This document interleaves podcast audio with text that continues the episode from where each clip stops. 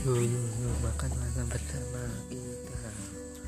Jangan lupa untuk mencuci tangan.